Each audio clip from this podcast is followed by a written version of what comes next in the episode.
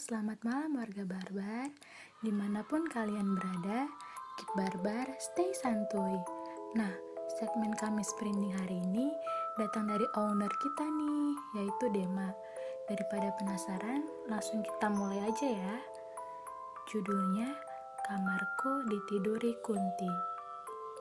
Waktu itu, aku pulang kerja kisaran jam 10 malam karena ada lembur baru pulang. Rumahku di daerah tinggi gitu, jadi jauh dari kota. Lingkungannya kayak di kampung gitu, nggak begitu ramai. Rumahku kosong hari itu. Kebetulan waktu itu semua orang sedang menginap di rumah saudaraku. Sampai saat di rumah, aku buka gerbang dan pintu depan rumah. Saat aku mau berjalan menuju kamarku, aku mencium bau kentang. Posisi pintu kamarku dekat dengan meja makan.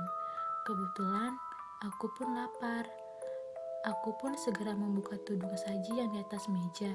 Namun, tidak ada apa-apa, padahal aku mencium bau kentang. Karena aku masih memegang tas, aku lanjut saja bergegas ke kamarku. Saat kubuka kamarku, Tiba-tiba aku melihat sosok perempuan berambut panjang memakai gaun putih tidur di ranjangku. Posisinya membelakangiku. Sontak, aku terkaget dan menutup lagi kamarku dan aku kunci kamarku. Aku lari ketakutan keluar rumah. Namun, saat aku ingin keluar gerbang, gerbangnya terkunci dan kuncinya masih menggantung di pintu kamarku.